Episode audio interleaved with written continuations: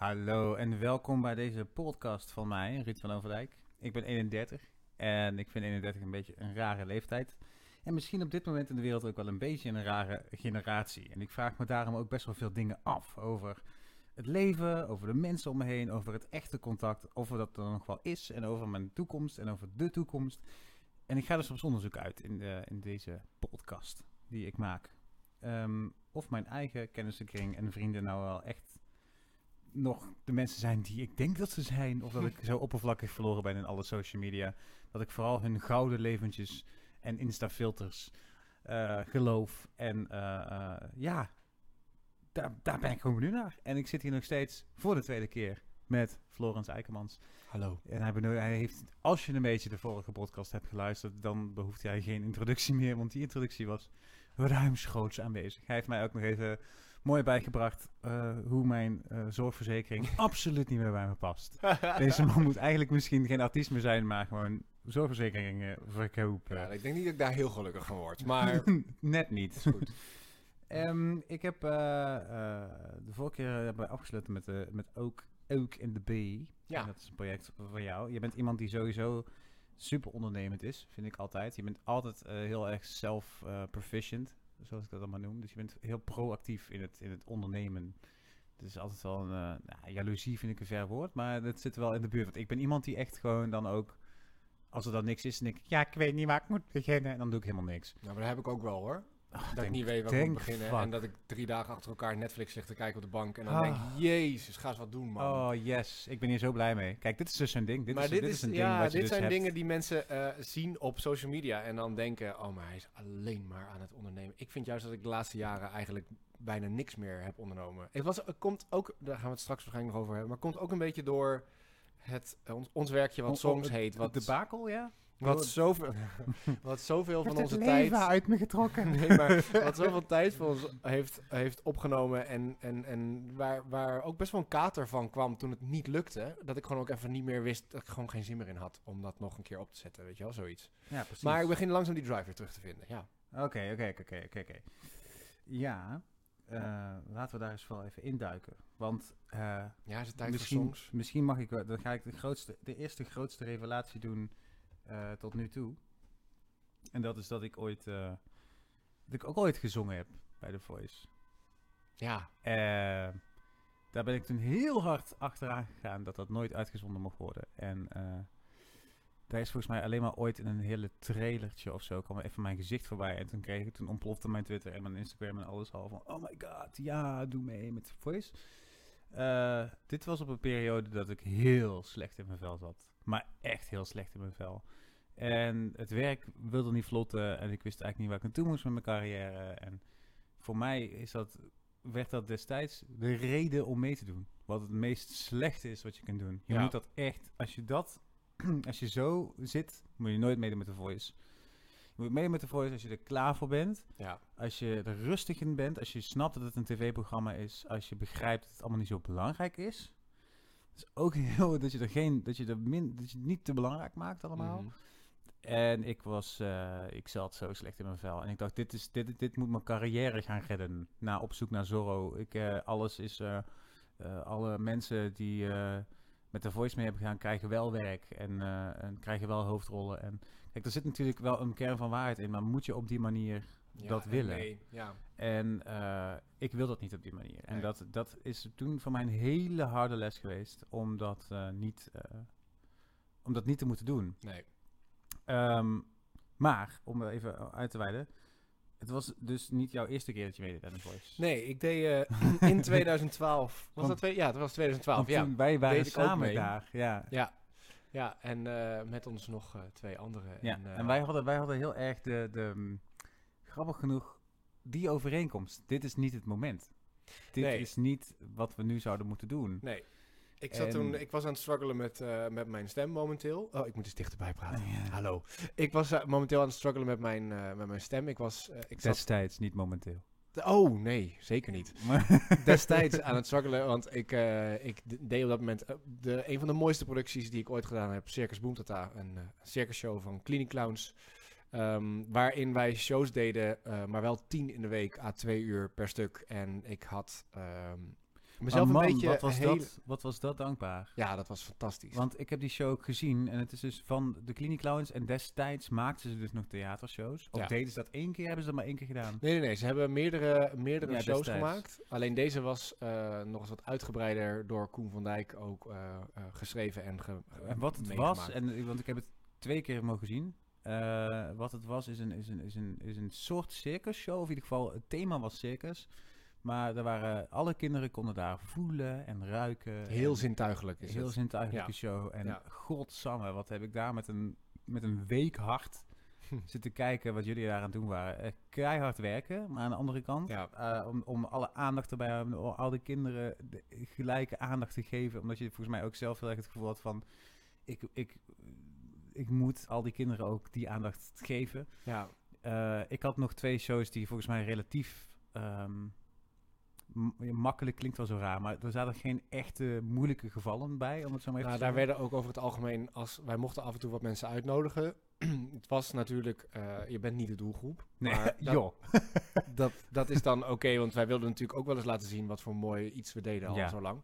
Maar dat deden ze vaak wel op dagen dat ze wisten, er komen instellingen met bijvoorbeeld kinderen met Down-syndroom. Mhm. eh, of iets dergelijks. Dat zijn de wat lichtere groepen. Want wij hadden ook eh, inderdaad dagen ertussen zitten dat er ehm, instellingen of families of dergelijke kwamen met alleen maar kinderen die in bedden lagen, in rolstoelen, die eigenlijk bijna geen beweging meer in zich hadden. En als er dan een mondhoek bewoog, dan, dan was dat. Dan deed dat zoveel. En dan zag jij dat, zagen wij dat dat zoveel bij de ouders deed. En dat gebeurde gewoon. Ehm, eh, ja, dat, dat, dat is eh, het meest dankbare werk wat, wat ik eh, tot nu toe Over, gedaan over heb. de vorige podcast hadden we het over immuun worden voor iets, maar ik denk niet dat je daar ooit immuun... Ja, je moet Ietsje. natuurlijk, je moet een professioneel, je moet een soort van professionaliteit ervoor ontwikkelen, maar ja. Nou, wij, wij zaten... je gaat soms gewoon toch keihard kapot, lijkt me. Ja, ja, wij werkten natuurlijk samen met de Clinic Clowns. Eh, we waren met vijf zangers en ehm zanger-dansers en drie acrobaten. De Clinic Clowns, een live band en veel daarvan, zeker de clowns natuurlijk, maar ook de band en ook wel een aantal van de zangers hadden al ooit eerder in een voorstelling van Clinic Clowns gezeten. Ja. En wisten dus de aanpak. Dus wij konden heel makkelijk, makkelijk tussen aanhalingstekens, van hen leren. Kijk even, eh, weet je wel, probeer het op deze manier te bekijken.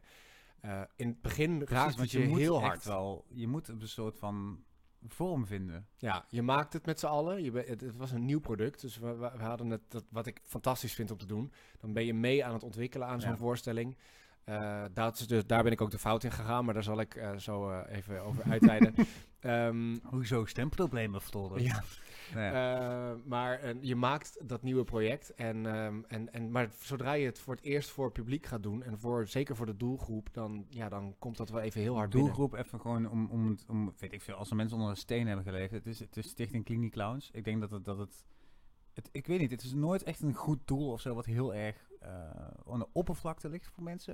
Nou, mensen zijn wel heel bekend met Clean Clowns. Ja, er worden natuurlijk ook altijd wel grappen over gemaakt. dat en bedoel zo. ik. Het, maar vooral voor de mensen die niet, geen zieke kinderen hebben of de mensen die überhaupt niet bezig zijn daarmee, die, Ja. vinden, die lachen altijd een beetje de Clinic Clowns. Maar man, hey, ik had ook, een, ik had ook echt een verkeerd beeld. Ja, het is waanzinnig wat ze doen. En Wij, wij waren dan de theaterafdeling, dus dat ehm, wij toerden langs met een hele grote circus tent langs zes plaatsen in Nederland.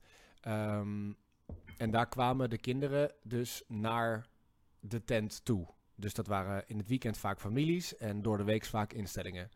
Ehm, eh, en, en dat was... Ik ben even mijn verhaal kwijt. Ehm, ja, ja, die kwamen, die kwamen naartoe, eh, instellingen. En oh ja, hoe jij jezelf kon... Oh ja. Eh, ja, dus na de, de eerste keren dat wij, dat wij ehm, echt voor publiek speelden, dan, dan komt dat keihard binnen. Ehm, en ik heb dat eigenlijk pas weer helemaal aan het einde eh, nog een keer zo sterk gevoeld. Hm. Want na een week, twee weken, vind je daar een plek voor. En zie je, oké, er is de, de, de- Oh, ik weet waar mijn verhaal was. En dan kom ik hierop terug. wij toerden langs zes plekken eh, in Nederland. En dus... Nee, ik ben weer mijn verhaal kwijt. ik weet niet, ik heb even een, mind, een, brain, een brain fart. ja. Maar eh, goed, maakt niet uit.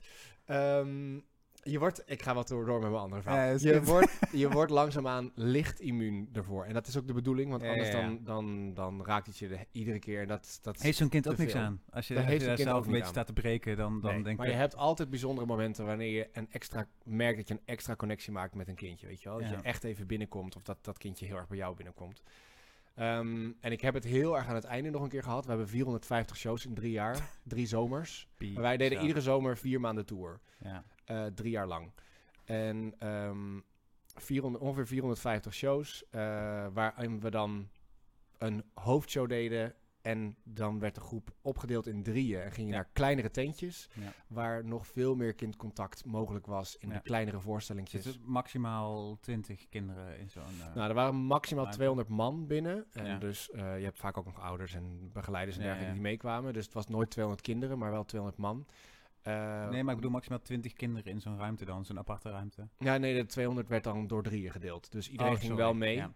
Lekker Ehm, rekenwonder, ja. Ja, Nee, ja, oké. dus dat was wel ietsje meer. Maar maar nog steeds persoonlijker dan de, min, de gemiddelde basisschoolklas tegenwoordig met eh 35, eh, Ja. 40 kinderen in. ja. Ja. Ehm, eh, en, en aan het einde van het, eh, van het proces, die, die subtent hebben we dus, zo noemden wij dat. de- daar hebben wij een nummer, een liedje gedaan. Een ontzettend leuk, catchy nummer. Maar die hebben wij 12, 1245 keer gezongen. Ja, dan weet Op je een het gegeven moment wel, was je er wel een beetje klaar mee. Eh, Beetje. maar aan het einde, eh, we deden eigenlijk ieder jaar ongeveer, en zeker de laatste twee jaar, deden we één voorstelling alleen maar voor dove kinderen. Maar we deden gewoon de volledige voorstelling, we zongen alles, we speelden alles, want ze voelden wel vibraties en dergelijke. Mm. Maar dat was dus met meerdere gebarentolken. En dat Oh ja.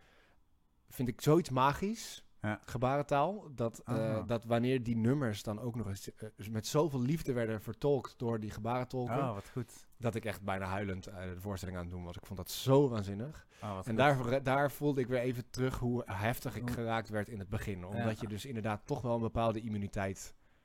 Dat moet je ook wel echt wel hebben, ja. Snap ik, snap ik. Ontzettend, ja. Ik vond het echt heel indrukwekkend. Het is ook een, ik ben iemand die dingen heel snel vergeet. en het is wel een van de voorstellingen die ik niet eh, vergeet. Hm. Waar ik nog steeds glimpjes, glimpsen van, Ja. van herinner. En, van, eh, en waar jij natuurlijk een hoge G hebt leren zingen. Nee, die kon ik al wel zingen, maar ik moest... Ja, die kun je wel ehm, zingen, maar ik bedoel Om, om, eh, ik moest 1250 keer te zingen. Ja, ik ben hoge bariton. Dus ik ben, eh, of ja, bariton, hoge bariton. Ik ben absoluut geen tenor. en ik stapte dit project in, niet wetende dat wij deze voorstelling ehm, vaak twee à drie keer per dag zouden doen. Een voorstelling van twee uur per stuk. Ehm, en waardoor, waarbij we dus eh, één nummer drie keer per show zongen. Eh, en dat nummer, eigenlijk al het materiaal waren wij een close harmony koortje, wat ook danste en wat eigen liedjes had ook nog. Ik deed dat met Fiona en Marlies. Ehm, eh, onwijs lekker om mee samen te werken. Hele leuke meiden. Ehm, maar wij gingen het maakproces in met Maarten de Splinter, een hele fijne componist. En die liet ons heel erg vrij in, oké, we gaan koortjes maken wat voor jullie comfortabel is. En ik met mijn muzikale eh, Comfortabel. Brein dacht, Met oh, leuk, comfortabel. meer, meer, meer. Dus ik Ja. zei, oh ja, maar kan ook wel hier naartoe. En ik heb allemaal hoge noten voor mezelf erin gewerkt. niet wetende dat de eerste show om tien uur 's ochtends plaatsvond. En dan is mijn stem gewoon niet wakker te krijgen. Gewoon echt, echt met geen mogelijkheid. Dus ik heb daar het eerste jaar... eh, nee, zeker niet. Nee, gewoon gewoon doorheen gebeukt. keihard doorheen gezongen. En Ja. had er een stemverdikking op een gegeven moment. Ja, En niet te doen. heb er even uitgelegen ook. En, en ging in de tussentijd, dus twee maanden, mijn stem helemaal meedoen aan The Voice. Nou ja, ik, Dat was toen, ja. dat was toen. Ja. Eh, ik wist daarba- daarbij Want, nog... want, dames en heren, we maken wel een cirkeltje hoor, maar we Ja, hebben gewoon even daar een, komt-ie een sideway. Ehm, want eh, daarnaast wist ik nog totaal niet op, op, op, op pop of soul of wat voor gebied dan ook... welke kant ik muzikaal op zou willen als ik überhaupt verder zou komen in dat programma... en, en, en, en een Ja. muziekcarrière zou opbouwen naast de musical theater scene. Wat sowieso moeilijk is, want ze zijn echt heel, heel, heel heftig op het musical ding.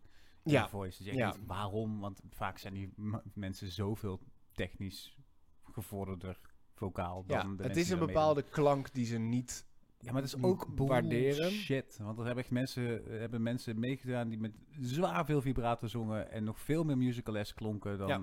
Ja, musical-les ook. Maar Ja. dat, is- dat is echt bizar. grappig ik weet niet waar ze het op baseren. Kleine side note, eh, grappig genoeg, ik vond van de week op mijn laptop een mapje terug met, eh, met nummers die ik heb geschreven bij een, ehm, een songwriting cursus die ik eh, in 2014 gedaan heb. Waar ik er eentje van vond dat ik dacht, hey, dit is best eigenlijk best wel interessant. En dat heb ik even naar Sander gestuurd voor een mogelijk eh, nummer voor Ook in de Bie misschien. Ja. En eh, ik zei, ja, het, moet nog heel, heeft heel veel werk nog nodig, maar luister eens even naar, misschien vind je er wat van. En hij zei, ik vind het eigenlijk best wel tof. Wat ik vooral heel erg opvalt, is dat je hier nog zoveel meer musical klinkt. en Ja. het klopte wel echt wat hij zei. ja, maar musical... Het is een bepaald geluid wat echt niet, wat, wat, waar niks slechts aan is, maar wat wel anders is dan eh, een, een, een pop of een soulgeluid. Ja, maar dat, is, het, is het anders of is het gewoon een, een, een, een, een vrijheid qua zingen? Is het een, een vrijheid qua eigen klank? Een vrijheid, want, want musical zingen kan soms gewoon heel gelikt zijn.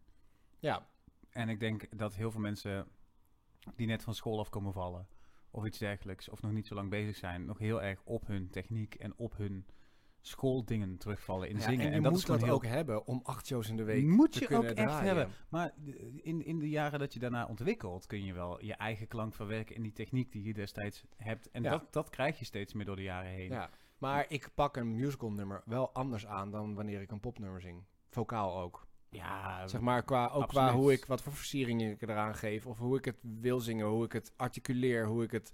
Daar Nou ja, maak ik wel keuzes in, ja. En de grap is voor mij is eh, musical zingen veel minder zwaar, ook al zijn de noten zwaarder, dan een popliedje zingen. Ja, Eh, het is echt, eh, als ik er nu een, een popliedje moet spelen, dan zing ik ook heel vaak vals.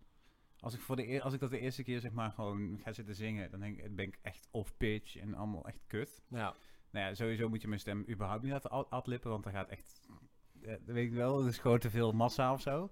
En, maar bij een musical, ja, ik kan meteen dat, dat, mijn stem vindt dat leuk of zo, Ja. denk ik. Of Ja. het is gewoon gewend van vijf jaar opleiding, maar ik, ik mm, vind het echt een stuk fijner zingen. ja. Terwijl niemand mij ooit een musicalklank heeft gegeven. Nee. Maar je hebt ook veel meer dat rock in je stem zitten Ja, natuurlijk. terwijl ik ook gewoon de miserabele zing, weet je wel. En nog steeds denken mensen, ja, maar jouw geluid is geen musical. Dan denk ik, nee, mijn geluid is gewoon mijn geluid. En omdat ik Ja. mijn eigen stemgeluid accepteer en niet zozeer alleen maar op de vorm zit, wat je nu veel meer krijgt tegenwoordig met CVT, met, met andere zangtechnieken dan wij hebben aangeleerd, vind ik dat de mensen echt op vormen gaan zitten. Ja, En op sound gaan zitten. En niet zozeer meer op, op eigen stemkwaliteit en eigen gevoel. En dat vind ik wel heel heavy. Hm. Dat merk ik ook. Als ik naar de voice kijk, denk ik. Voor mij mag jij heel erg eh, meer naar jezelf toe. Hm. en minder proberen om heel edgy te klinken. Of constricted of rock of, of pop. Of wat je denkt. Hoe- vooral hoe je denkt dat je zou moeten klinken. Die vind Ja. ik heel heftig. Dan Ja. denk ik, ga rot op. maar dat is wat er heel veel gebeurt momenteel. ja, zing gewoon zoals jij wil zingen. Weet je wel, echt, hou op. Maar Ja. goed, En als mensen het mooi vinden, dan luisteren ze er wel naar. ja, dat, dat, dat vooral. Maar goed, Of als we- ze we tegenkomen, we dan, zijn dan weer moet het wel tegenkomen. Ja. We zijn lekker afgedwaald. Wij deden dus mee aan The Voice. Eh, om even terug te komen. Oh nee, maar, maar we, waren, we waren bij, jou, bij jouw stemding. Ja, oh ja. We, we- we Ja, dus ik zat nog eigenlijk midden in mijn stemproblemen. eigenlijk allebei op een heel slecht moment in ons leven besloten. Nou, waarom niet? Ja. Nou ja, Ja, ik, zat, ik keek niet. al jaren The Voice en het was op de een of andere manier eh, kriebelde het wel dat ik dacht, ik moet het ook gewoon een keer proberen, want ik ka- kan absoluut pop zingen en dat is wel iets eh, wat, wat ik ambieer. Of nou per se pop is of een andere stijl, maar Als mensen inderdaad in de tussentijd eh, naar Ook in de Bie hebben geluisterd, naar de Ja. vorige podcast, dan hoor je ook dat je een soort Michael Bublé, Sinatra-achtige Dat ligt mij wel, ja. Ja, sound hebt. Dat Ja. vind ik altijd een beetje Amerikaanse crooner in positieve zin. ja. Vind ik echt cool. thanks. Dat, dat, dat, dat is het geluid van Florence, zeg maar. Dus die kan juist heel goed inderdaad pop zingen. En, ja, dat even on a side note. Ja. Maar goed, eh, dat werd uiteindelijk niks. We zijn ook allebei eh, gelukkig eh, niet uitgezonden. Ik had best wel terug willen zien om te weten hoe ik het had gedaan, maar niet op tv. Dat Nee, voor mij precies. niet zo nodig. Ik had het niet eens willen zien. Ik had, ik had wel een, echt een heel erg gevoel hoe ik het had gedaan. Ja. En bij mij is het altijd zo... Op de een of andere heb ik dat mijn hele carrière al. Ik kan op het moment zelf al... Heb ik al, dit is hem. Of dit Ja. is hem niet. En dat heb ik met audities. dat heb ik met optredens. Dat ik, dat, ik bij, dat ik op een kwart nummer ben en denk... Hm, nee, is, vandaag is hij er niet. Nee. Of vandaag is het hem niet. En dat is heel heftig, want, maar dat komt gewoon omdat je zo vaak ook... In, in musical gevallen speel je die show natuurlijk ook heel vaak. Ja. Maar ik heb echt serieus uh, ja, eh, acht keer in de week Jezus gespeeld. Dan heb je echt al twee shows dat Gethsemane voor jou niet specifiek dan op De dat beste moment is. de beste is. Ja. Nog steeds vindt het publiek het meestal gelukkig goed. Ja. Maar ehm, je voelt echt wel halverwege je vierde, vijfde lijn of jij heel technisch jezelf aan het redden bent. Ja. Of dat je heel dat nummer voelt en meeleeft en meeademt. En nou ja, dat. En dat had ik bij die voice. Oh, mijn god. Eerste twee noten. Ik dacht, Ja, het gaat... is zo'n momentopname. ja, het is vreselijk. weet je, en je bereidt je erop voor en je denkt, dit moet hem zijn. En eh, je legt er heel veel druk op, Nou, weet je wel. ook. Dit moet hem zijn. En het is die, en het is die, Ja. die, je voelt, weet je wel, normaal in een auditie kijk je de gezichten aan, kun je al met je peilen, maar dat hele stoelen omdraaien is natuurlijk een super spannend ding, want ja, je wil dat ze draaien. En ze kunnen tot op, dat gebeurde nu eh, bij vorig jaar bij mij. Ze draaiden op het aller, allerlaatste moment draaide er een stoel om. Weet Ja. je wel, ik, ik, ik had wel al een soort van, domme, dit gaat toch wel gewoon gebeuren nu dit keer, weet je wel. Ja. Ik wist gewoon waar ik was en waar ik stond en dat ik daar echt wel goed genoeg voor was. Hoisting. Ja, want ik zie mensen even- niet doorgaan. Ook dit seizoen zie ja. ik mensen niet doorgaan. Dat ik denk, hoe, hoe wordt hier niet voor gedraaid nu? Ja. En waarom voor een andere persoon Ja. wel? Dat ik het er echt niet mee eens ben. En Plus, daar- wat ze heel erg laten zien is... eh, ehm, ze laten alle mensen natuurlijk zien die doorgaan. Want die hebben ze ook voor de rest van het programma nodig. Eh, anders heb je iemand bij de battles nog niet eens gezien. Mhm. Dat gebeurt dus niet. Je hebt iedereen gezien. En ze laten denk ik hooguit 10% zien van de mensen die niet doorgaan. Misschien zelfs minder. En daar komt er ook nog eens bij dat ze de mensen ook nog eens selecteren op, want dat weet ik toevallig waarom. Als de mensen te veel zouden denken, waarom draai je niet? Dan wordt het programma ook ongeloofwaardig. Ja. Dus ze hebben ook echt de goede mensen waar niet voor is gedraaid, die laten ze eruit. Dat weet ik toevallig ook. ja. Dus, dus als jij bijvoorbeeld, er zijn namelijk echt al mensen inderdaad waar jij ook zegt, die zingen zo goed. En die eigenlijk als je daar live bij die uitzending zou geweest zijn, dan zou je denken, zo, dit is echt wel iemand. Maar om wat voor reden dan ook, want ik geloof niet, ik weet, ik weet, ik heb bedoel, ik heb op zoek naar gedaan. Ik geloof niks wat er op tv gebeurt, niks. En dat is echt, eh, ik geloof niet dat zij op het moment zelf kiezen. Ik geloof dat er wel wordt gestuurd en dat kan niet anders, want daarvoor is het programma te duur. Ja, Dus- Ja, ik weet dat, ik kan het niet Nee, nee, nee, zeggen weet ik. Maar ik kan, weet ik, dat niet, dan maar- ga ik nu gewoon een hypothese opgooien, want dat kan bijna niet anders. Hm. Er moet gestuurd, als jij, als jij John de Mol heet, jij gaat mensen scouten, jij hebt een bedrijf wat The Voice heet, samen met 8 Ball, Vu- eh, 8 Ball Music, en daar ga jij mensen scouten om mee te doen. Dus je investeert het hele jaar door geld, want je betaalt salarissen, weet ik veel wat allemaal. Ja. Natuurlijk is dat gestuurd.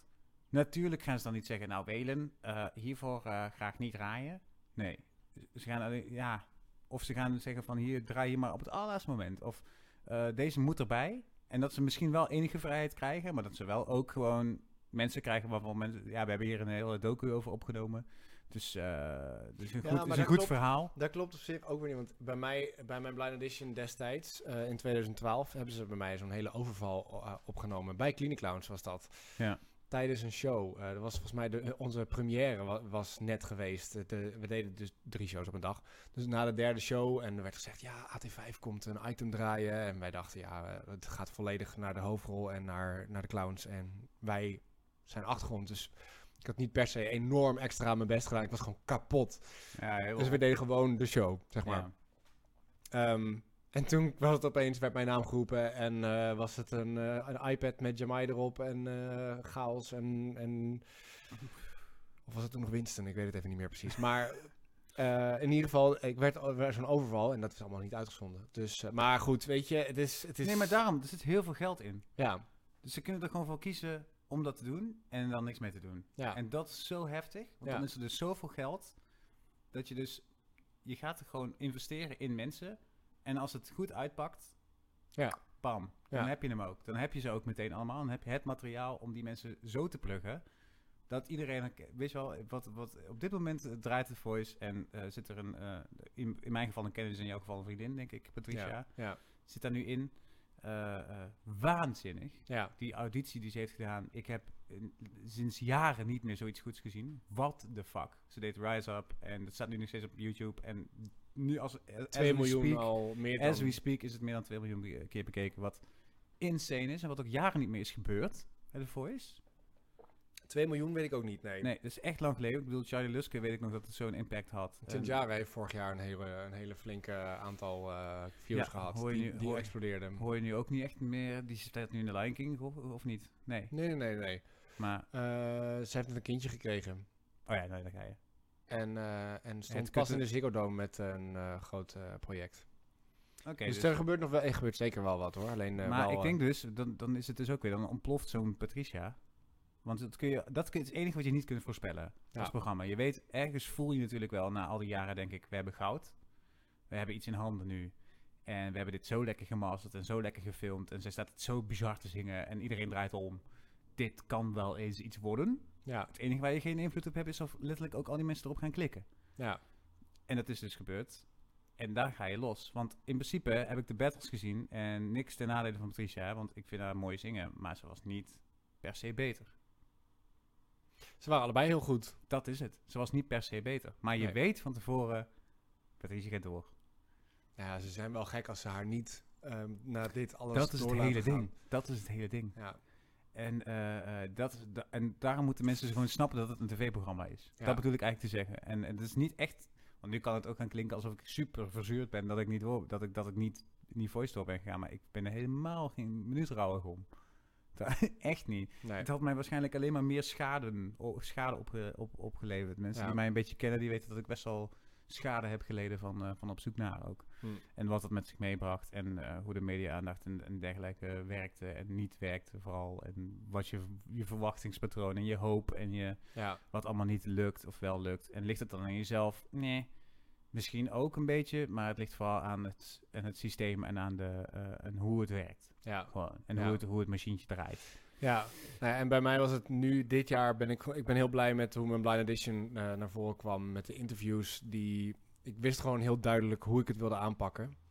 Ja. eh, wat ik wilde zingen. Want daar, heeft, daar heeft natuurlijk de organisatie ook een hoop zeggenschap in. Maar eh, eh, ik ben daar wel gewoon heel stellig in geweest wat ik wel en niet wilde. Ja. Alleen bij de battles heb je daar gewoon nul invloed op. Want je wordt met mensen neergezet. Ik werd in een drie battle neergezet. Wat natuurlijk al super oneerlijk is. Ja. Ehm, ja, en als je dan ook nog bij de uitzending, of bij de, ja, bij de uitzending op een gegeven moment merkt dat, er een dat je laatste uithaalder uitgeknipt is, omdat het anders niet geloofwaardig is, dat je eruit legt, dan, dan vind ik dat wel intens. Ja. Maar ehm, Ja, maar daar ga je. En dat, dat, dat, maar dat moet je ook accepteren dan of zo. Want Ja. je weet, je kent het concept. ja, Anyway, weer een side, eh, sidetrack genomen. Weer helemaal gerant over de voice. Maar ehm we wij waren, over songs aan het praten. Nou, daar gingen we naartoe. maar hoe komen we bij songs? We zitten nog steeds bij de oorsprong Ja. van Songs for New World. Of in ieder geval iets wat het zou moeten worden. ja, We zitten in 2013. januari 2013 zaten wij bij elkaar in jouw oude huis aan de gracht. Uiteindelijk. Want we hadden elkaar Ja. dus bij de voice gezien. Ja, Om even dat voice verhaaltje af te ronden. We zitten daar met, met, met ons tweeën en nog twee andere eh kennissen, vrienden destijds. We kwamen elkaar daar tegen en dat was eigenlijk wel grappig. Nee, hey, wat leuk dat jullie ook allemaal zijn. Alles faalde bij alle vier. En toen hadden ze, volgens mij werd het toen een beetje gekscherend, eh heb ik geroepen, ja, maar wat wil je nou nog echt doen? Wat zou je nou echt willen doen, weet je wel? Ik zei, ja, het Songs from the World. Ja. Als je het hebt over theater met een hart, met een verhaal, met, eh, met vette zang. Ja, en als, Eh, ik, als ik naar mezelf kijk, ik, ik ben a- acteur naast dat ik absoluut zanger ben. Eh, Ik acteer erbij, maar ik vind mezelf geen eh, uitmuntend acteur eh, om, om daadwerkelijk alleen te gaan acteren. Daar ben ik, daar, daar ben Ja, ik ja. gewoon zelf, dat is mijn eigen mening. Dus als ik kijk naar spelen, dan vind ik spelen tijdens zang het mooiste wat er is. En dat is Ehm, musical en- toch wel. En dat is musical, absoluut. Ja. Maar dat is ook echt wat er in songs gebeurt. Songs Ja. is, een, is een lied, een verhaal per lied, wat een overkoepelend thema heeft. Ik vind het zo mooi hè, dat wij allebei nog steeds, ook al na alles wat er is gebeurd, nog steeds dit stuk helemaal fantastisch vinden. Ja, absoluut. Dat is Ja. zo mooi, want eh, pff, daar gaan we dus nu in duiken. Want, Ja. eh, Grappig eh, genoeg zaten wij met, de, je hebt bij songs stemverdelingen. Je hebt Ja. een, een, een bariton, een tenor, een mezzo en een sopraan. En eigenlijk was de verdeling van de, met de vier man, of ja, twee mannen, twee vrouwen, maar de vier mensen met wie we dit eh, alles bespraken, was exact dat. Dus het kwam een soort van samen dat je denkt, oh ja, misschien moeten we dit gewoon eens gaan zingen. Grappig. Laten we eens bij elkaar komen. ja, toen bleef het alleen eerst even liggen. Het bleef eerst even liggen. En toen hebben jij en ik hebben gezegd, ja, we moeten dit gewoon echt doen. Ja, gewoon, waarom eh, gaan we dit niet oppakken? Toen was je weer een keer op de mij. Schouders eronder. En toen zijn we eigenlijk die middag gewoon gaan bellen. Dat was januari 2013. Ja. Toen zijn we gewoon gaan bellen. En de andere twee kwamen pas weer een tijd later in, in, in beeld. Ook vooral omdat Floris is een eh, hele loyale man. dat is een hele mooie eigenschap. Die is veel, veel loyaler dan ik ben. Want hij had zoiets van, ja, maar we hebben het met hun twee besproken. Want ik zat allemaal te denken, ja, met wie gaan we dat dan doen? Een beetje zo. Dat, Ja. En het was eigenlijk een heel kort gesprek, omdat Floris gewoon zei, ja, nee, we hebben het met hun twee besproken.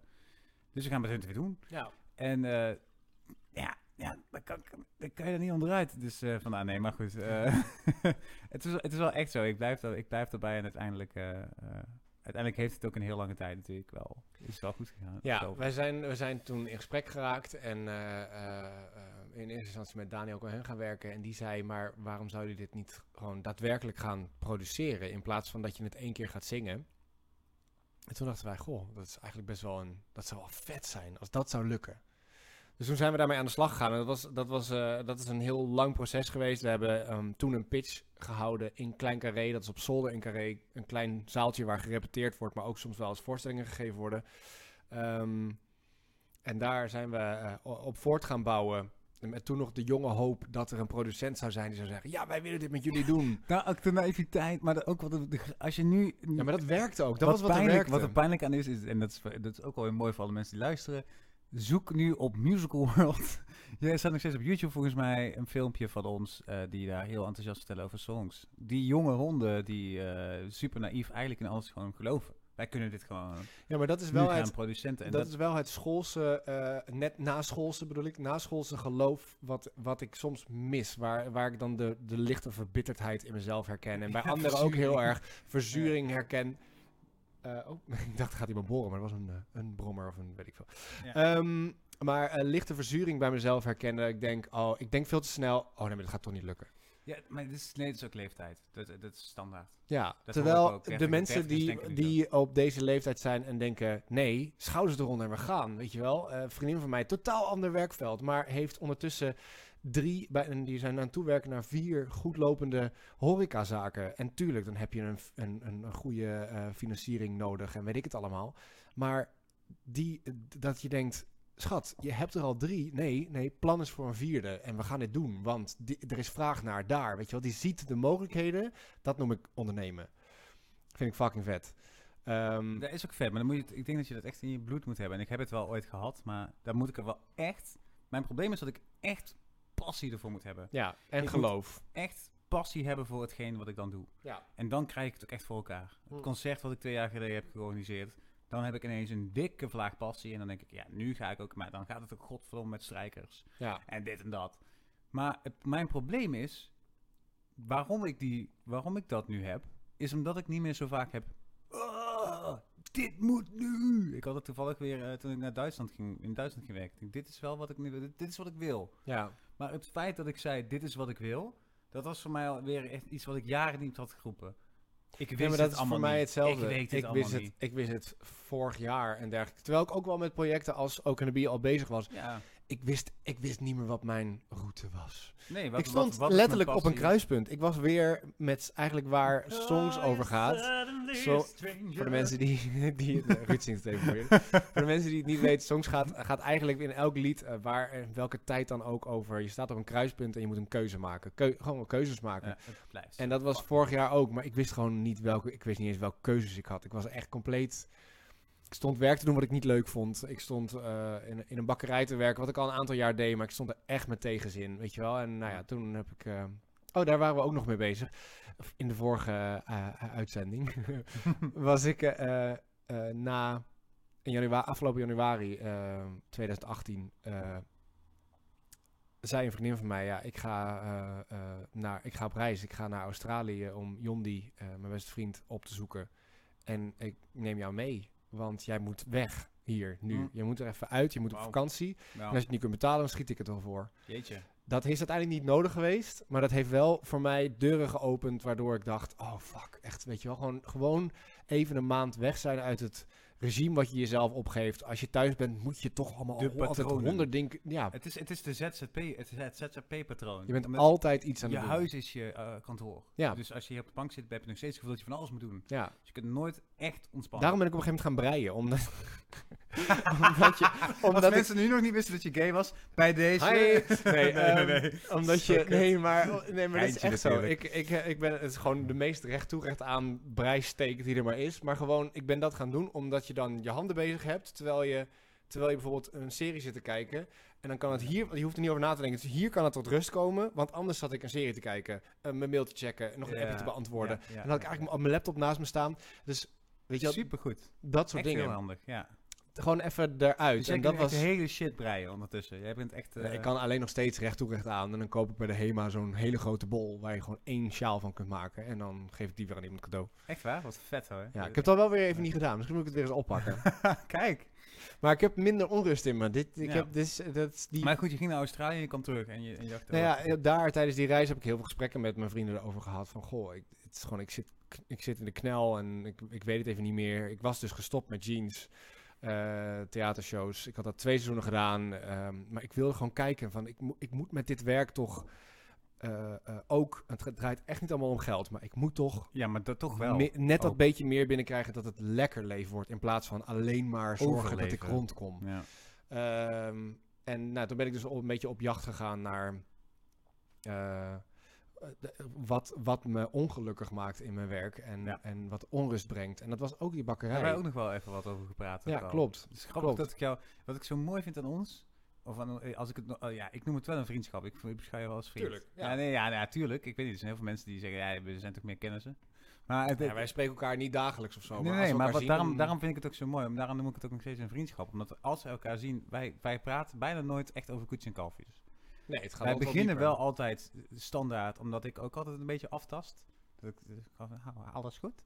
maar dan is de Ah, grap, als wij, wij gaan eerst aan antwoorden, ja, alles, eh, ja, nou ja, het gaat, het gaat wel goed. En daarna duiken we meteen weer in eh, Ja. van, nou, ik ben hier en hier en hier mee bezig in deze situaties en eh, Ja, liefde en, en alles wat er in, in- al die shit. alles, alles komt voorbij. En dat vind ik zo, zo kostbaar. Dat vind ik echt, eh, vind ik echt waardevol. Dat Ja. had ik het ook met... Dus eh, heb ik wat oprispingen. Nee. maar dat had ik ook met, eh, met Elise, eh, had ik het daar ook over. Dat, Ja. dat, dat het, het is een, het is een, eh, het is een rare vorm van, want ik weet niet, maar dat kan ik dus niet oordelen.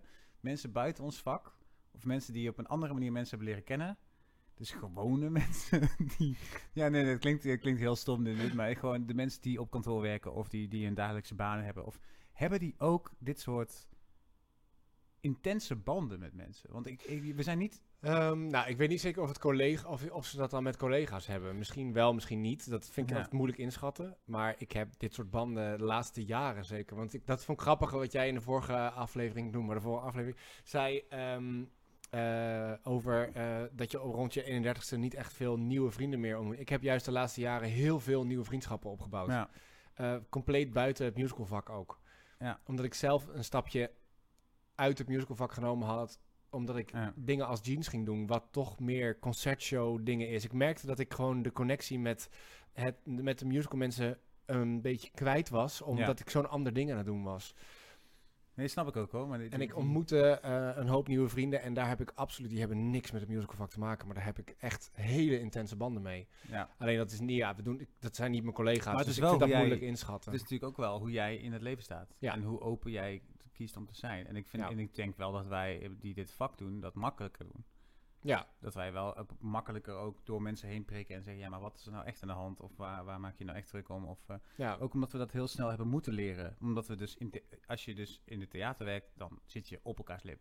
Intens. Ja, in de tourbus, Ja, in de Je kunt kleedkamer. ook niet weg. En, eh, op, het, op het toneel ook vaak. Ja, dus je kunt niet, je kunt niet even, eh, je kunt niet iets negeren of je kunt niet, je- het kan wel, maar dan wordt het een hele nare sfeer. Dus mensen leren toch wel heel snel om een, een klein beetje te peilen wat voor persoonlijkheid iemand is Ja. en hoe je met iemand om moet gaan. En die mensenkennis en dat, die, vooral het empathisch vermogen. Want zelfs al heb je het niet, er zijn genoeg mensen in de musicalwereld die het absoluut niet hebben. En, maar dan weet je dan, Ja, oh wacht, dit is een narcist, die is niet empathisch. En die is alleen maar bezig met zijn ego. Maar dan heb je het gewoon lekker neergezet. En dan Ja. weet je dus ook van, daar ga ik nooit echt mijn gevoel mee delen. Of mijn emoties of la la. Dan leef ik daar allemaal heen. ik heb dat wel moeten leren hoor. Heb ik ook moeten leren. Maar het Ik ding is, bedoel, wij leren dat. Ik zei niet voor niets in mijn praatje bij songs. Wij deden eh, allemaal één zin, eh, uitgebreide zin, waarin we onszelf beschreven. En ik noemde mezelf allemansvriend. Ehm dat klopt voor een heel groot deel. Het is wel een klein beetje afgezwakt. Ik weet ondertussen wel duidelijker wie ik wel en niet leuk vind. Of wat mensen zijn die wel passen in mijn... Wat mijn soort mensen zijn, laat ik het zo zeggen. Mm. eh, waar ik makkelijk een connectie mee heb of iets dergelijks. Maar vroeger, ehm, ik had het op school heel erg, maar ik had het ook toen ik voor het eerst in voorstellingen ging spelen. Ik wilde, dat, ik wilde sowieso dat iedereen mij aardig vond. Maar daardoor ehm, eh, hadden mensen ook het idee dat ik nep was af en toe. Wat totaal, naar mijn idee, niet het geval was. Alleen ik, ik wilde gewoon wel zorgen dat ik met iedereen een connectie had. Dus maakte met iedereen een praatje. En als ik dan eh, minder van iemand terugkreeg, dan werd ik daar wel onzeker van, bijvoorbeeld. Ja. Ehm, Wat, wat wist hij dan? Miste hij dan bevestiging? Of wat, wat is dat dan? ehm, Bij mij kwam het voor. In het begin van het, begin van het vak had ik, ik herken het ergens wel. En toen ik echt met het vak begon, wilde ik ook dat iedereen me goed en aardig en leuk vond. Maar dat is uiteindelijk, was dat mijn eigen onzekerheid. Dat ik dacht, ja, maar als dat niet zo is, dan ben Nee, ik het niet was voor mij ook gewoon, het was voor mij ook gewoon echt zoiets van, oh, maar iedereen is, iedereen is een vriend. Ik vond het ook altijd heel moeilijk, en vind ik nog steeds wel, om, om onderscheid te maken tussen vrienden en kennissen. Dat is eigenlijk de vraag die ik je net stel. Zou jij altijd met vrienden beantwoorden? Puur en alleen omdat je niet durft om mij Nou, kennis te tegenwoordig, tegenwoordig, nee, maar dat is anders. Want ik heb genoeg, ik heb, ik heb echt wel eh, genoeg vrienden ook die ik soms drie maanden niet spreek. En Ja, dat ja, we dan weer praten en dan merk je, ah, daar zijn we. Weet je wel? En dan weet ik, ah, dit is niet kennissen. Nee, precies. Want dat zou dan echt een ander leveltje zijn. Dan Ja. zou ik geen interesse meer hebben in wat omgaat. Weet Je je? hebt toch wel interesse, maar die is dan oppervlakkig Ja, of zo. maar ik kan prima een wijntje met iemand drinken en dat je denkt, oh, we praten even bij je, maar het is heel redelijk oppervlakkig. Maar Ja. ken, ik ken je wel, je, dat is letterlijk het woord. We, zijn, we kennen, weet je wel? Ja, dan, dan is half Amsterdam een kennis. zeg, zeg deze grinderheld. Nou, nee, nee, nee, nee. nee, Eh, maar het is, maar het is ehm, eh, wel, wel, was, ja, dat, dat vond ik heel lastig in het begin toen ik net eh, klaar was en eh, ehm, mijn eerste voorstelling had gespeeld. En dat je dan de, de shows, ik zat toen in M-Lab, deed ik een aantal projecten, dat de shows voorbij zijn, dat je iets met iemand opgebouwd hebt en dat dat dan daarna gewoon weg is. Ja, die is heel heftig. En, dat- maar dat zijn ook dus... En daar ben ik me nu bewuster van. Precies. Maar dat is ook wel waar je dan op een gegeven moment doorheen leert prikken. Dat, dat, dat- er zijn altijd mensen die roepen... Oh my god, dit is de meest bijzondere ervaring van mijn leven. En als je dan zegt, ja, maar na elkaar, na deze show blijven we elkaar afsluit spreken. Het Ja, ik heb gebeurt bewust niet. mensen, Die met wie zijn ik dat echt- wel heb. Ja, natuurlijk. Die zijn er altijd een paar, maar dat zijn er maximaal twee. Maar je kunt ook niet met al die mensen vrienden Nee, dat blijven. hoeft ook helemaal je niet. kunt het ook niet onderhouden. Weet en je wel. daarbij kom je er ook nog eens achter, ken ik deze mensen eigenlijk al privé? Ja. Ken ik ze, pas, ken ik ze echt wel ook privé? Snap je? Want Ja. een vriendschap is echt iets anders dan met elkaar overleven op werk. ja. Of het niet over werk kunnen hebben. Nou ja, en dat is, die zit zo met elkaar in zo'n project gedoken. Het is zoiets eh, wat je samen meemaakt, weet je wel. En het is best wel een, weet je, mensen die eh, een heftige, ehm, eh, iets heftigs meemaken met z'n allen, hebben meteen een, een, een sterkere connectie met elkaar. Eh, nou wil ik een theatervak niet met een ramp vergelijken, maar You just did. maar, maar over het algemeen, weet je wel, iedere avond weet je, je weet niet wat voor, hoe het publiek gaat reageren, Nee. wat, wat voor publiek er zit, of ze er zin in hebben of niet, weet je wel. Dus je merkt vaak dat als een show goed werkt, of een, een avond goed werkt, dat je dan daar meteen meer energie uithaalt en dat iedereen een connectie voelt. Terwijl als een, als een avond helemaal rot is, en dan word, kan je daar een beetje chagrijnig van worden, of dan kan iedereen een beetje vittig op elkaar worden. Weet je, het heeft gewoon heel veel invloed op jouw eigen stemming. Nou ben ik zelf ook nogal stemmingsgevoelig. Dus als iemand heel Mm. erg kut in zit, dan kan ik gaan overcompenseren om dat tegen te werken, zeg maar. Of, of, of mij dat gevoel heel erg overnemen.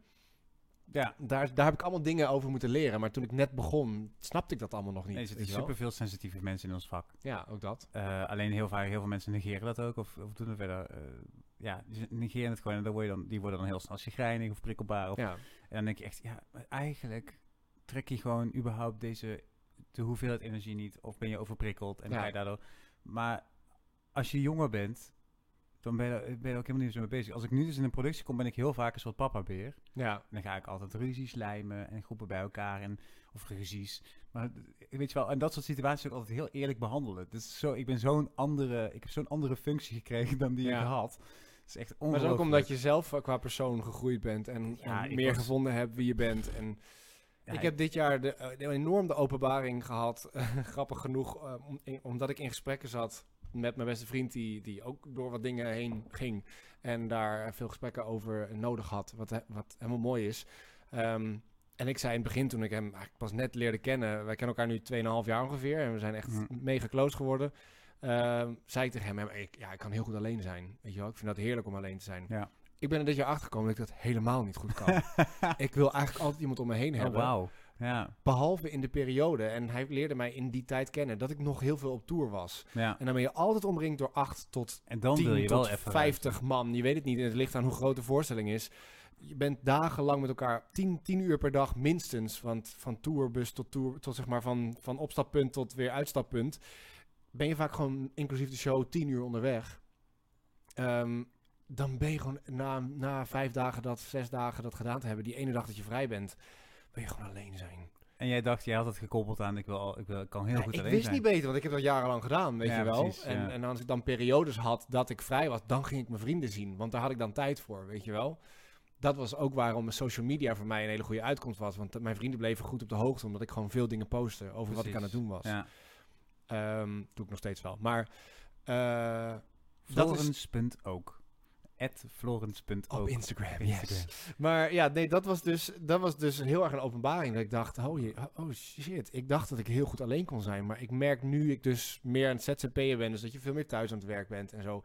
Dat ik alleen maar, dat ik heel veel Behoefte onrust en FOMO voel. Fear of missing out. Gewoon dat ik denk, ja, iedereen is wat leuks aan het doen. Of iedereen is nu dit aan het doen. Dit is zo herkenbaar. Oh my god. Dit heb ik ook En ik zit absoluut. nu weer thuis. Weet je wel, waarom, is, waarom heeft niemand mij uitgenodigd? Oh Eh, my eh, God, dat. Het gewoon de enorme... Terwijl, weet je wel, ook een deel daarvan. Mijn vrienden hebben even moeten, moeten begrijpen op een gegeven moment weer... dat ik weer beschikbaar was. Na al die jaren toeren en weet ik het Ja, allemaal. precies. weet je wel? Dat, het, dat ik niet... Ik ben nooit weg geweest uit de vriendengroep. Ik was gewoon alleen heel weinig beschikbaar. Ja. En dan, En en dan verdwijn je een beetje met- uit het ja. vragenlijstje... terwijl ze je er wel heel graag bij willen Ja, hebben. maar denk, want dat ze wel denken van ja, Florence die kan toch niet. Dus dat, ja. ja. Hey. En dat bedoelen ze echt niet slecht. ik heb net besloten. wij zijn echt. Wij zijn echt. Wij vinden, wij vinden- ik vind het veel te boeiend met jou. Dus we zitten alweer op het einde van deze, van deze fuck. aflevering. Maar ik heb net besloten dat we. eh, ik ga gewoon een special opnemen. Eh, Ja. We gaan hierna gewoon even door als je dat goed vindt. Ja, dat is goed. Dan neem ik even een special op met precies het verhaal van songs. Ja. En dan koppelen we dat gewoon even los. Gaan we alleen maar even vertellen over wat er nou gebeurd is met songs. Voor de mensen die daarin geïnteresseerd zijn, eh, eh, komt dus het verhaal van Songs for New World eh, in, een, in een aparte special aflevering nog even langs. En dan kan ik deze aflevering namelijk wel afronden, want dan zijn mensen echt heel erg afgehaakt na zoveel minuten. Ehm, want volgens mij zitten we al op drie kwartier. Lekker. ja, dus ik heb dus dat, dan ga je, dus dat is eigenlijk al te lang. Voor we eruit gaan, dus Florence ook op Instagram. Ehm, wat moeten mensen absoluut eh, zien? Zien? Zeg even, zeg even Oeh, iets wat ze, wat nou, ze absoluut eh, eh, moeten wat zien. ik echt heel erg leuk vond is The Book of Mormon. En die komt naar... Oh, wacht, maar dat is dus weer een tijdvak. Het kan goed zijn dat hij hierna alweer weg is. Oh, nou, wie hopelijk heb, ga je die zien of heb je die al gezien? We gaan het allemaal zien. Maar eh, in Carré is die binnenkort, voor nu nog in de toekomst. Misschien is het al geweest. Ja. Ik heb het in eh, Londen gezien en Ja, in Melbourne, beide keren. Ja. En In Londen was het echt te gek, dus ik hoef hier echt niet meer te gaan. Dat nee, nee, grappig. maar dit is de Broadway cast die komt. Dus dat is, Ja. dat is waanzinnig.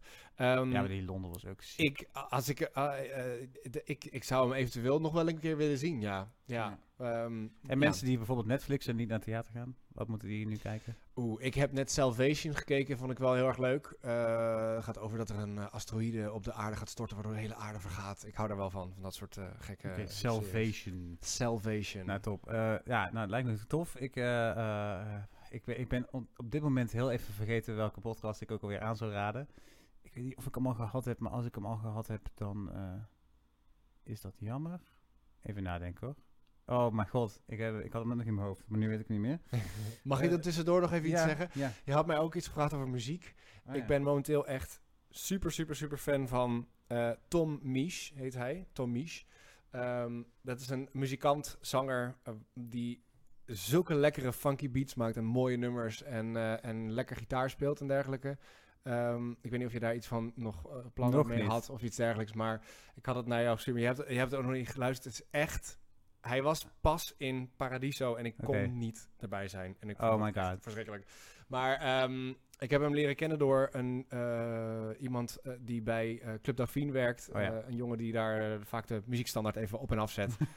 maar ik, wij raakten aan de praat en hij zei, dit moet je luisteren. En ik- het is echt, eh, het gaat helemaal niet over de hoogste uithalen en de moeilijkste, maar gewoon echt Vet. lekkere muziek. Nice, oké, dat Ja, gaan we ook Dus luisteren. luister dat even. Ik, ik, ik, wat ik aan wilde raden voor deze keer was, ik weet het weer. Ik ben een oude generatie 3FM-luisteraar. Ik, eh, ik ben opgegroeid met Giel Belen, eh, Gerard Ekdom, Michiel en Domien. Echt 3FM was echt, toen Serious Request nog leuk was, noem ik het maar even. Want ik vond het ook fucking vet. De eerste jaren in het glazen huis. En vond ik altijd mega, dat was mijn vaste prik om dat aan te zetten in december. Eh, de laatste die is weggegaan bij 3FM was Michiel Veenstra. Eh, die is als laatste nu opgestapt bij 3FM. En wat nou zo vet is, eh Roosmarijn, Domien en Gerard Ekdom hebben in Michiel zijn podcast, of in ieder geval, die hebben hem een podcast cadeau gedaan. En het is een afscheidspodcast van Michiel Veenstra. En als je nou diezelfde generatie hebt als ik, en je hebt heel veel, drie, en je hebt, heel veel 3FM geluisterd, luister even naar die afscheidspodcast van Gerard Ekdom, Domien Verschuren en eh, Roosmarijn. Die eh, allerlei dingen vertellen over, eh, over hoe het was bij DFM en hoe Michiel Veenstra daar heeft rondgebanjerd. En welke bizar rare dingen ze vroeger nog hebben gedaan.